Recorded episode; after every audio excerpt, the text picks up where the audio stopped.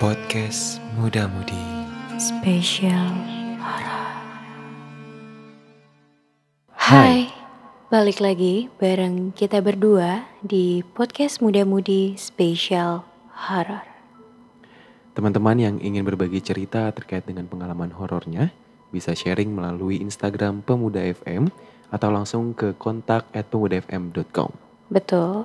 Dan buat teman-teman juga yang memang ingin sekali ceritanya diceritakan ataupun ingin sekali berada di tengah-tengah para pendengar podcast muda-mudi spesial horor, tentunya kalian juga nanti bisa menyertakan foto atau video dan hal-hal mistis yang memang kalian miliki seperti yang dikatakan oleh Farid tadi melalui email kita atau bisa juga DM di Instagram kita di @pemudafm. Ya, seperti biasa, kita sudah lama tidak bersua ya dengan topik-topik yang tentunya berbau dengan hal mistis. Di tahun yang baru 2021, tentu masih ada banyak sekali cerita yang bisa kita gali dari pendengar podcast spesial horor ini. Betul, ya, Zulfa? Dan juga tentunya kita berdua mengucapkan selamat tahun baru 2021. Semoga ada banyak cerita horor yang tentunya lebih baru lagi di tahun-tahun ini supaya lo semua bisa terus mendengarkan secara seksama, secara merinding, secara apa lagi Kak Farid? Dan lebih mistis. Lebih mistis lagi pokoknya ya. Dan seperti biasa, kita tidak akan sendirian, Betul. tapi Farid dan Zulfa akan ditemani salah satu pendengar yang juga akan ikut yang akan ikut join berbagi cerita terkait dengan pengalaman horornya. Kita langsung telepon aja ya. Oke. Alright. Jangan Kita lupa tunggu. jangan dengerin sendirian ya. Betul, jangan pernah mendengarkan sendirian. Kita benar-benar menelpon secara langsung ya anak muda. Oh iya, katanya ceritanya ini juga seputar di Bali. Karena kan sebelum kita pilih, kita juga akan eh, kita juga sudah baca ya pengalaman-pengalamannya melalui cerita singkat yang sudah dia kirim ke email kita. Betul. Alright, halo, selamat malam. Halo. Halo malam, Halo, apa kabar? baik baik. Baik. Dengan siapa dan di mana? Eh, Cahya Pihirzin, tapi biasa panggil Cahya aja. Di tinggalnya di Jakarta Timur. Jakarta Timur. Oke, Cahya. Hmm. Eh, thank you Cahya sebelumnya karena kita udah dapet informasi kalau Cahya juga mau sharing ya pengalaman mistisnya. Mm, mm, mm. Kira-kira boleh nggak Iya. sebelum kita mulai kita tanya-tanya singkat. Ini kejadiannya di mana dan tahun berapa Cahya? Kejadiannya itu di Bali Oke. tahun 2018. Tahun 2018. Oke. Ah, ah, Di Bali tuh lebih tepatnya di mana? Di daerah mana? di daerah Canggu. Daerah Salah satu villa di daerah Canggu. Oh, Oke, I see. Oke, kalau kayak gitu silahkan kita masih punya waktu sekitar 20 sampai 30 menit. Mhm. Cahya boleh cerita pengalaman horornya dideskripsiin ke teman-teman pendengar. Eh, nanti Sedetail mungkin Iya. juga boleh. Nanti kalau seandainya di tengah-tengah cerita ada yang ingin kita tanya, mungkin kita akan lebih ke arah diskusi ya. Oke. Oke, silakan Cahya. Boleh silakan Caya. Oke, eh, jadi gini ceritanya. Eh, awal-awal tahun 2018 deh, eh, gue sama temen-temen kampus eh, coba liburan ke Bali sekalian silaturahmi gitu lah. Karena kan kita udah sibuk kerja masing-masing nih, sama udah ada yang beberapa ada yang udah merit juga. Akhirnya Hmm, kita ngerencanain liburan, berangkatlah di awal tahun 2018 itu sekitar 11 orang yang join. Oke. Nah, terus eh, kita sewa villa di daerah Canggu. Villanya sebenarnya tuh villa modern, bisa dibilang bangunannya juga masih baru, bagus, terus private banget. Nggak ada kesan mistisnya sama sekali malah awalnya. Kan sebelum booking kita juga udah sempat lihat-lihat dulu kan baca-baca reviewnya juga. Sampai akhirnya ya udah kita deal. Terus ya udah kita nggak ada yang mikir macam-macam yang aneh-aneh sih sampai akhirnya tiba di hari H hmm, kita nginep di situ jadi eh, posisinya tuh villanya eh, agak masuk gitu dari gang utama masuk. Terus eh, ada beberapa villa di satu wilayah itu. Villa gue kebetulan villa pertama di sebelah kiri. Nah masuk itu ada pos security-nya yang jagain di villa kita. Terus eh, ini gue gambarin bentuk villanya dulu ya. Oke, boleh boleh. Uh-uh. Nah terus abis dari pos security itu ada parkiran juga buat mobil sama motor. Terus ada gerbang kecil buat masuk menuju ke villanya. Nah pas kita buka gitu, itu udah ada jalan setapak taman gitu, yang view-nya langsung ke pool. Poolnya juga lumayan gede. Terus di samping poolnya itu ada kamar utama, which is kamar nomor satu, yang diisi sama gua dan temen gue ini cewek. Mhm. Kita berdua di kamar itu. Di samping kamar gue ada kamar nomor dua, diisi temen gue ini yang pasangan. Terus di seberangnya kamar nomor dua ada kamar nomor tiga, diisi temen gue juga dua, isinya cowok-cowok. Sebelahnya kamar nomor tiga, kamar nomor empat, diisi tiga orang.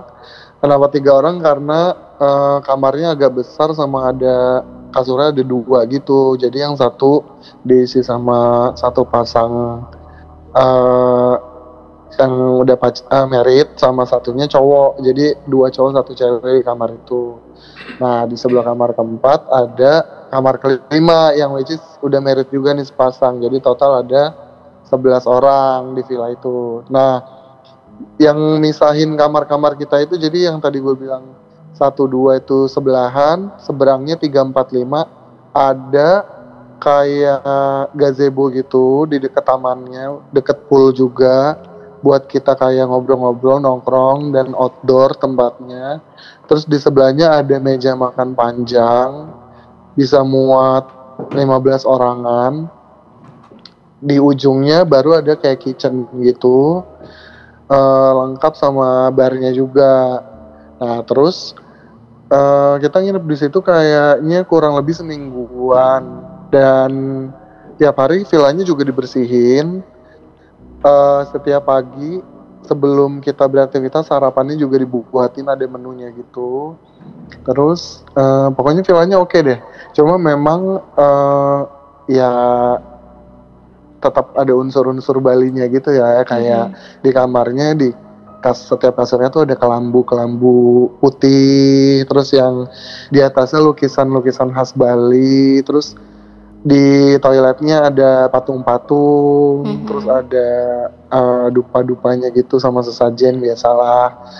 Eh ya cuma so far kita nggak ada mikir yang aneh-aneh sih. Nah mungkin kita bersebelas nih eh kita nyimpulinnya sih ya kenapa bisa akhirnya kejadian kayak gini? Gara-gara mungkin kita bersebelas eh, datang eh, nggak ngucap salam nggak bilang permisi dulu. Terus eh, kegiatan juga padat kan dari pagi sampai pagi lagi. Terus mungkin kita mm, berisik terus eh, nyampah sana sini. Nggak nggak rapi-rapi lah gitu pokoknya intinya. Terus Mhm. Mungkin bahasanya juga kadang suka nggak dikontrol apalagi kalau lagi ngumpul sama temen-temen kan. Tahu sendiri terus biasalah Bali live pulang kadang udah mabok jackpot sana sini udah ya gitulah pokoknya gitu Mhm. kan. Ya mungkin di situlah penunggunya nggak suka. Jadi eh, ini posisinya udah mendekati kita mau pulang jadi udah di hari ke lima atau enam. Mhm. Nah, awalnya eh, gue ini di antara kita sebelas sebagai eh, orang yang paling diandalkan untuk bangun pagi. Jadi eh, alarm bunyi, gue bertugas ngetokin semua kamar sampai mereka semua nyaut dan kita semua mandi bareng-bareng. Oke. Nah, di hari di mendekati di hari terakhir perjalanan kita tuh agak jauh. Kita ke atas Kintamani, soalnya kita mau ke pemandian Toya Devasya. Jadi kita berangkatnya agak pagi-pagi buta gitu. Itu sekitar jam empatan alarm gue bunyi dan ya udah kayak biasa gue keluar kamar gue ketokin itu kamar masing-masing kamar 2, 3, 4, 5 sampai teman-teman gue nyaut kita semua mandi kita siap-siap baru gue balik ke kamar lagi Hmm. nah di sini deh nih mulai ceritanya. Pas gue masuk kamar gue roommate gue ini cewek which is orangnya kebo banget. Bener-bener kebo banget. Mau gue banting-banting pintu pokoknya dia nggak bakal bangun kalau dia nggak dibangunin gitu. Mhm. nah terus akhirnya ya udah karena eh, gue yang bangun duluan udahlah gue mandi duluan aja. Oke terus pas gue mandi posisi pintu kamar mandinya itu transparan kacanya Jadi gue bisa ngelihat keluar tapi yang di luar nggak bisa ngelihat ke dalam Hmm, oke oke. Eh, eh, nangkep nggak Iya, oke. Eh, eh, jadi kayak bening gitu eh, kacanya transparan jadi kayak gue bisa ngeliat nih kegiatan di luar eh, kamar mandi tapi yang di luar mungkin nggak bisa ngeliat gue yang di dalam gitu Mhm. nah terus biasa pagi kan eh, panggilan alam nih ya lagi setoran nih posisi eh, klosetnya deket banget pintu. Ya udah lagi eh, bengong gitu. Terus nggak lama tuh gue ngeliat temen gue ini yang masih tidur bangun dari kasurnya. Kayak jalan gitu loh kayak eh, turun dari kasur terus jalan terus kiri di depan pintu kamar mandi. Nah, Oke. nah, di sini gue sempet mikir kayak Sorry. Li temen gue Eh, si temen namanya Yuli Oke. Eh, eh. Tiba-tiba Nah, di sini- berdiri di depan kamar mandi. Iya, dia berdiri di depan kamar mandi. Terus gue sempet bingung deh tuh, nih si Yuli ngapain? Kan belum gue bangunin, tumbenan banget nih anak udah bangun, apalagi ini masih pagi-pagi buta banget gitu kan. Mhm. Terus eh tapi gue nggak mikir aneh-aneh sih, ya udahlah. Terus akhirnya gue mainin kayak flash klosetnya supaya nandain kalau gue ini ada di dalam gitu kan. Mhm. tapi dia kayak masih berdiri aja gitu di depan pintu kamar mandi. Terus gue kayak nih Yuli tahu nggak sih gue lagi di dalam gitu? Terus kayak gue juga nggak ada inisiatif negor sih karena gue masih positif thinking banget nih anak. Ya udah nih Yuli gitu kan. Terus nggak lama eh, dia pindah nih. Dia jalan ke arah kasur lagi tapi ke arah tempat tidur gue bukan tempat tidurnya dia Oke. Nah, terus nggak lama dia kayak naik gitu ke kasurnya, terus nggak lama turun lagi, balik lagi ke arah eh, kasurnya dia, tapi nggak geser, tapi turun dari turun dari kasur dulu, terus muterin kasurnya dulu baru ke tempat dia. Nah. Hmm. Karena itu posisinya masih pagi buta, lampu tidur yang di sebelah meja juga belum dimatiin. Seingat gue, si Yuli ini memang anaknya suka banget ngecas handphone, ditinggal tidur gitu. Jadi sampai pagi masih sambil ngecas. Oke. Nah, di pikiran gue gini, oh mungkin dia mainin handphone karena dia berdiri persis di depan lampu tidur yang jadinya badannya dia itu nutupin lampu tidurnya. Jadi otomatis penglihatan gue ke kamar tuh gelap karena lampunya ditutupin dia. Kayak Mhm. backlight gitu ya. Halo? Eh, eh, jadi kayak ya, eh, dia halo Iya, Iya. halo. Halo. iya jadi kayak eh, dia kayak diri halo Iya. Iya, lanjut ya. Jadi dia kayak diri di depan lampu yang badannya tuh nutupin lampu itu, jadi otomatis lampu kamarnya itu tuh jadi gelap dan penglihatan gue ke kamar dari dalam kamar mandi jadi nggak kelihatan. Terus gue masih positive thinking, oh nih anak lagi mainin handphone gitu kan. Nah udah nggak lama, dia bergerak lagi nih maju ke arah depan. Nah rutinitas gue sama roommate gue ini setiap pagi sebelum kita eh, ganti baju sama selesai mandi, kita pasti nyiapin barang-barang kita di depan meja yang ada di depan kasur. Jadi di depan kasur kita tuh ada meja panjang. eh, kita taruh baju-baju kita yang mau kita pakai sama kadang Yuli di dipakai buat make up di situ dia kayak naruh kaca terus softlandnya dia segala macem nah di balik meja ini ada jendela gede banget yang kalau jendelanya dibuka uh, view-nya langsung pool karena kamar kita kan nempel banget sama pool nih. Mhm. jadi setiap uh, setiap uh, kemarin-kemarin kegiatannya kan nggak uh, nggak dari pagi buta. Jadi pas banget bangun tuh langsung udah sinar matahari jadi enak kan. Nah karena ini pagi buta jadi jendela belum berani gue buka dong karena masih gelap banget. Nah, nah ya udah nih. Terus eh gue ngeliat dia pokoknya jalan ke arah meja itu ya. Gue mikirnya oh dia lagi nyiapin barang-barang udah. Pokoknya pikiran gue masih positif aja deh tuh. Nggak Mhm. lama udah gue udah selesai eh setoran gue langsung mandi. Gue udah lupa nggak inget apa apa kejadian itu lagi. Pokoknya gue mandi biasa aja nggak ada yang merinding apa gimana. Selesai gue mandi gue keluar kamar gue ngeliat temen gue si Yuli ini masih tidur di kasur. Di tempatnya dia dengan selimut selimutan hampir nutupin mukanya cuma kelihatan mata sampai kepalanya dan nyenyak banget sampai ngorok. Nah di situ gue sempat kesel tuh, gue sampai akhirnya narik kakinya dia, terus gue buka selimutnya, gue bangunin kayak, Yul kok lo sempet sempetnya sih masih bisa tidur lagi, padahal tadi lo udah eh, jalan-jalan, udah nyiapin pakaian, udah mainin handphone, udah muter-muter kamar lah, kok bisa-bisanya masih bisa tidur lagi gitu. Tapi dia nggak gerak juga gitu kan, gue bingung nih. Sampai akhirnya gue kesel banget, gue pencet-pencet kakinya, gue pukul-pukul gitu kayak biasa gue ngebangunin dia emang kebo banget kan. Mhm. Terus sampai akhirnya dia bangun, dia duduk di kasur, terus gue langsung ngomel-ngomel sendiri gitu nggak jelas kayak, yo gimana sih kok masih bisa tidur lagi gini? Gue jelasin lagi deh tuh, kenapa lo tidur lagi bukannya siap-siap mandi? Nih gue udah kelar mandi nih. Dan lo tahu dia cuma bilang, sumpah lo ngomong apa sih Cai? Gue nggak ngerti. Gue ini baru bener-bener bangun. Terus gue langsung Sumpah gue langsung merinding, merinding banget, jiper banget tuh. Itu malah masih gelap banget kan. Terus gue langsung bilang kayak, Yul gue nggak gue nggak mau lu bercanda ya gitu. Hah bercanda gimana? Gue nggak ngerti lu ngomong apa kata dia gitu kan.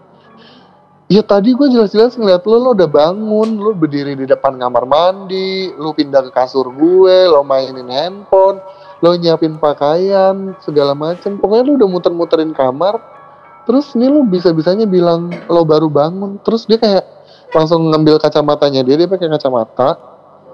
Lo ngomong apa sih cah liatin deh pakaian gue aja belum gue sed- sediain sama sekali. Dan pas gue ngeliat meja beneran dong mejanya kosong. Kasur gue posisi bekas gue tidur masih rapih. Posisi yang tadi bener-bener gue baru bangunin dan udah gue rapihin nggak ada lecak sama sekali. Terus handphonenya dia masih dicas juga. Dan dia bener-bener sampai sumpah kalau dia bener-bener baru bangun pas gue bangunin. Dan di situ gue udah merinding banget akhirnya. Terus gue langsung narik tangannya dia terus kita berdua langsung pegangan tangan gitu terus gue langsung kayak eh Yul gue mau cerita tapi please lo jangan panik. Nah si Yul ini juga anaknya panikan banget kan. Mhm. jadi kayak sebisa mungkin gue ceritain ke dia tapi nggak bikin dia panik. Jadi gue ceritanya nggak terlalu detail sampai akhirnya gue kayak jelasin intinya dulu. Terus dia jadi akhirnya udah ketakutan duluan kan akhirnya eh, dia mandi kilat itu juga pintunya nggak ditutup sampai akhirnya eh ada sinar matahari ini udah udah agak terang. Kita semua ngumpul di meja makan.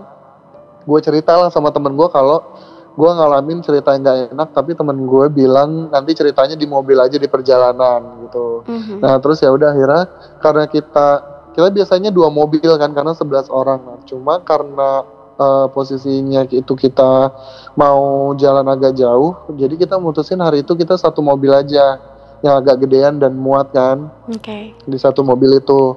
Nah di mobil itu akhirnya gue cerita kejadian yang gue alamin. Ternyata dua temen gue udah mengalami hal aneh yang dia baru ceritain gara-gara gue buka omongan nih Hmm, oke oke. gitu.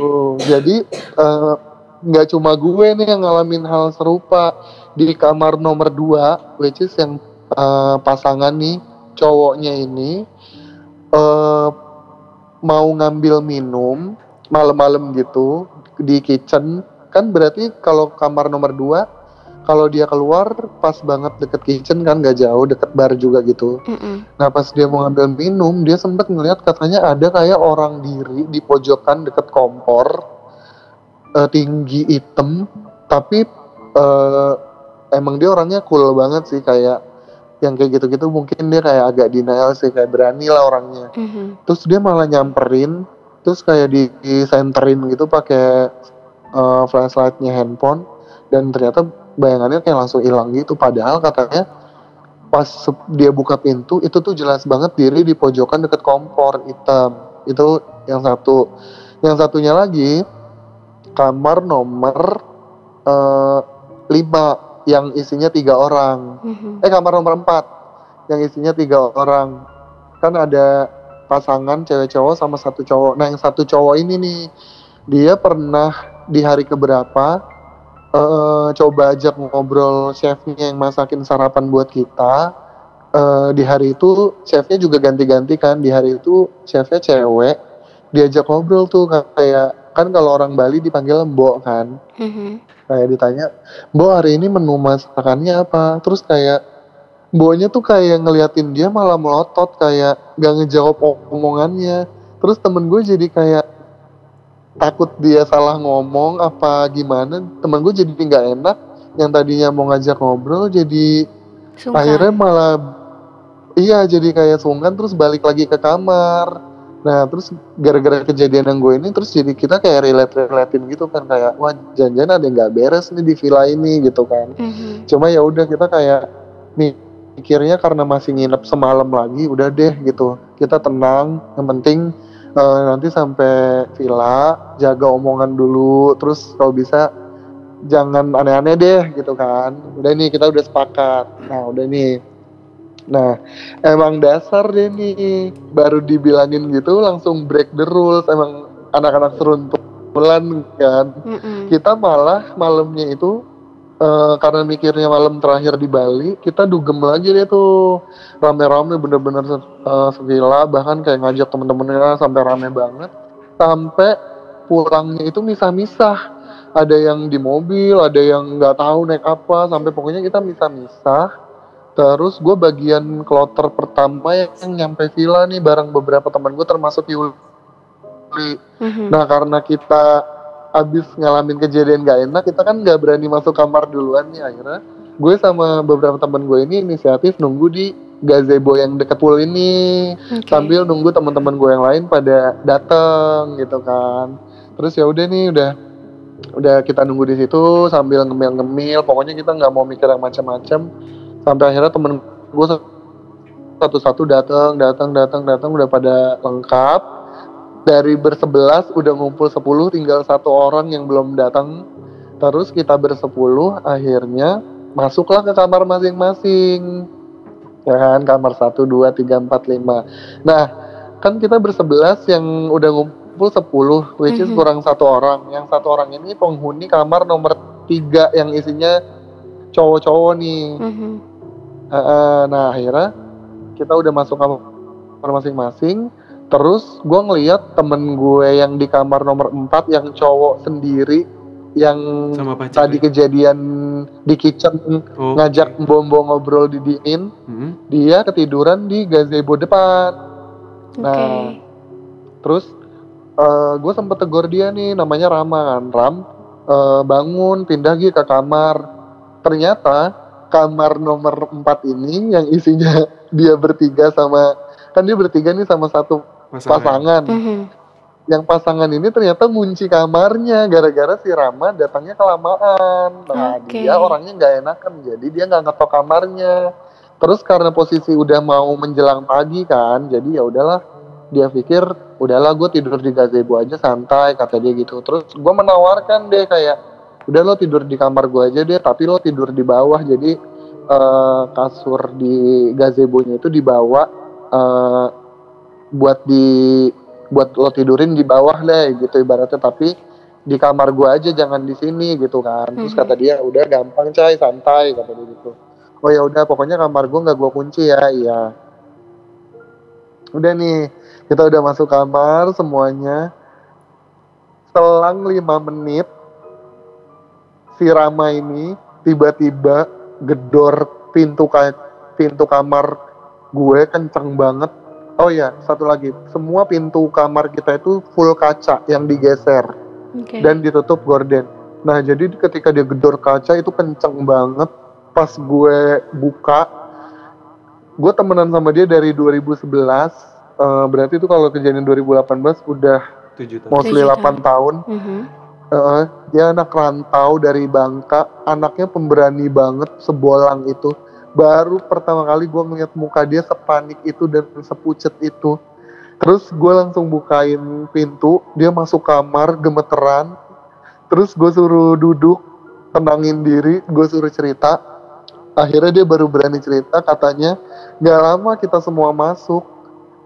Di kupingnya ada yang teriak kencang banget, kayak teriak, woi gitu. Nah di posisinya nih, di belakang gazebo-nya itu ada kayak patung, apa ya, kayak patung khas Bali gitu loh, kayak bentuknya kayak agak singa, tapi bukan singa gitu. Mhm.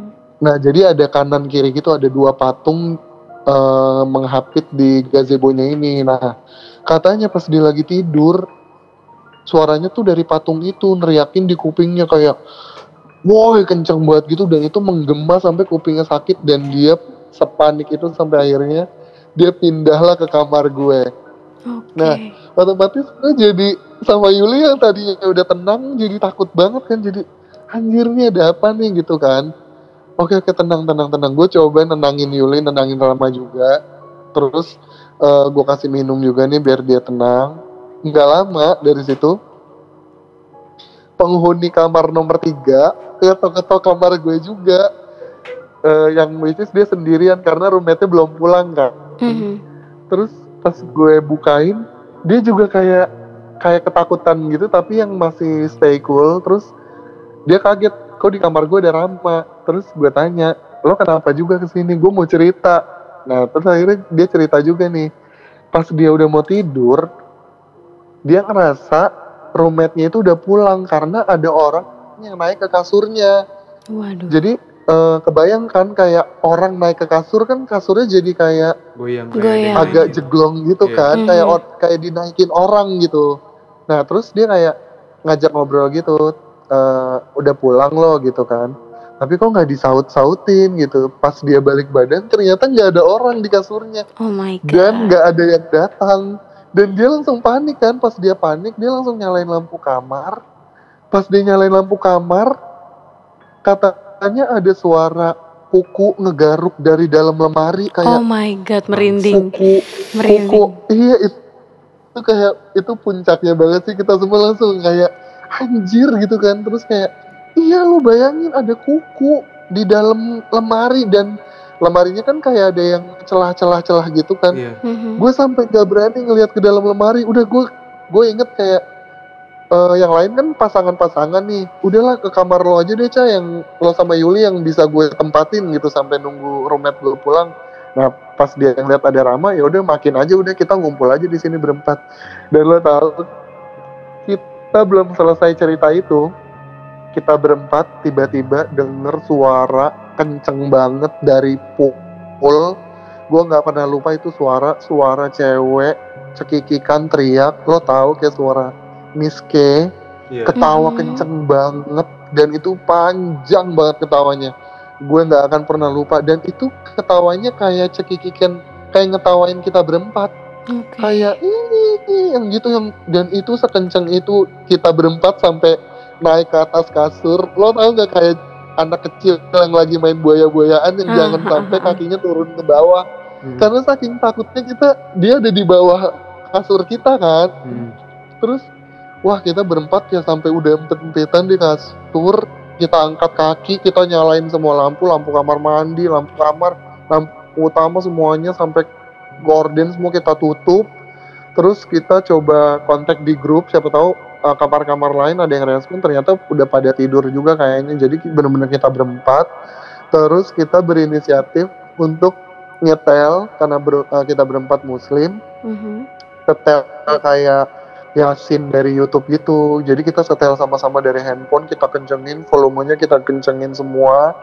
Kita setel sama-sama sambil kita berdoa semoga ya nggak diganggu dan cepet hilang gitu sih. Pokoknya Mhm. pas itu di pikiran kita ini udah udah mumet banget dan lo tau nggak kalau kejadian kayak gitu kan berasa hari panjang, banget kayaknya nggak nggak siang-siang gitu kayak Iya. Mhm. kok masih gelap aja masih gelap aja gitu kayak wah kita udah sepanik itu dan Yuli juga udah hampir nangis sih di situ kayak udah pengen teriak keluar dari villa itu gitu kan terus ya udah gue juga jujur udah panik banget takut tapi ya coba nenangin teman-teman gue yang lain juga sih saling nenangin sih kita saat itu Oke. terus ya udah sampai akhirnya kita nggak bisa tidur sampai pagi sampai terang sampai akhirnya ya udah eh, jam breakfast kita ngumpul udah deh kita beraniin cerita di meja itu semua yang kita alamin.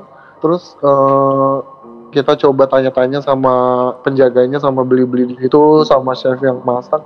Cuma ya mungkin dari mereka eh, coba nutup-nutupin apa gimana gue juga nggak ngerti ya. Pokoknya mereka bilang sih kayaknya eh, di film ini aman-aman aja selama ini gitu nggak ada kejadian aneh-aneh yang kayak gini-gini gitu. Cuma ya ya udah nyatanya kita ngalamin gitu dan gak cuma satu dua orang hampir kayak setengah dari kita gitu loh ngalamin hal ini gitu sih. Hmm, terus oke.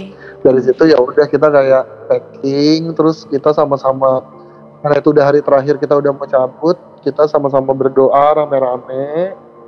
Terus eh, ya kita berdoa selamat sampai tujuan. Nggak ada yang aneh-aneh ikut lah pokoknya intinya. Terus kita kayak minta maaf kalau selama seminggu di situ omongan kita ngelantur atau perbuatan kita yang nyampah lah teriak-teriak gitulah pokoknya.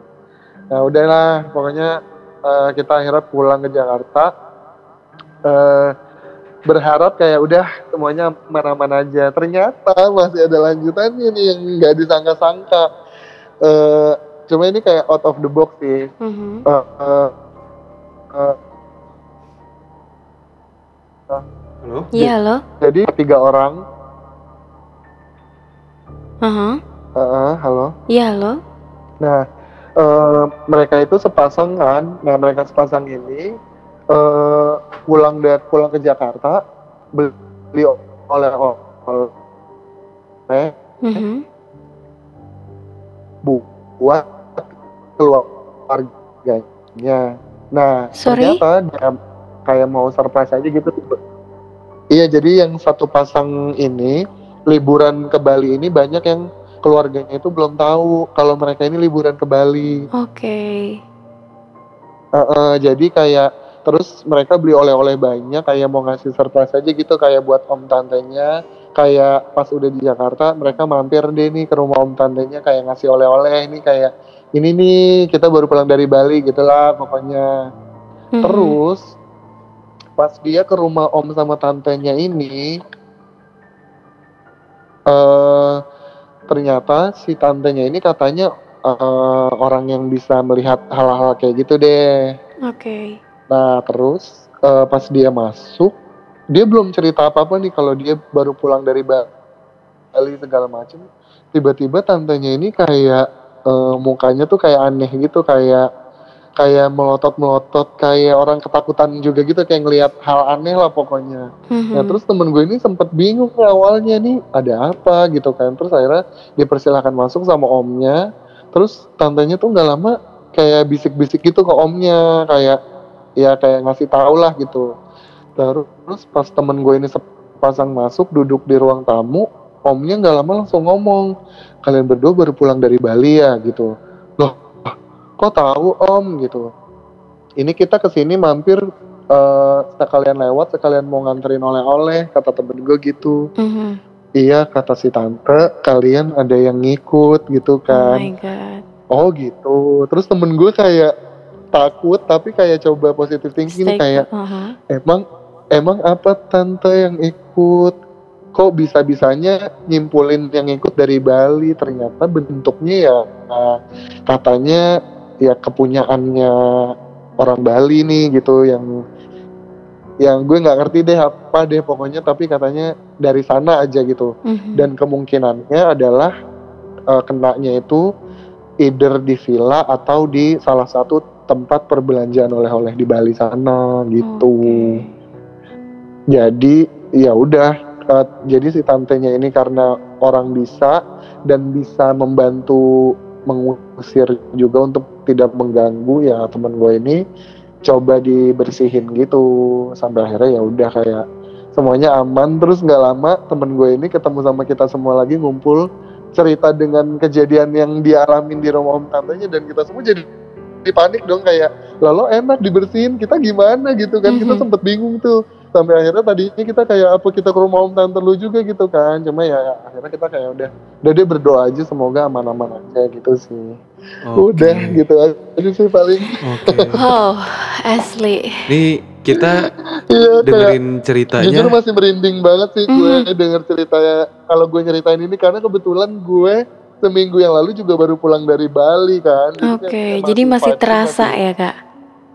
Iya, karena ya kita yang kita tahu di sana kan memang adatnya kental banget ya. Mhm. Yang masih kayak gitu-gitu segala macam memang ya sebenarnya kayak gitu kan di mana aja ada. Balik lagi ke kitanya sih Oh, gitu. betul betul betul. Mm-mm. Wah ini kita denger cerita dari Caya bukan bukan cuma dengerin mistisnya ya, tapi kayak Tapi seakan-akan ada di Ada, bagian betul. di kelompoknya mereka karena ceritanya benar-benar detail banget. Mhm. Jadi bahkan gue sambil ngegambar nih denah villanya, terus kamar mandi, ah, Saking segala macam. detailnya. saking detailnya.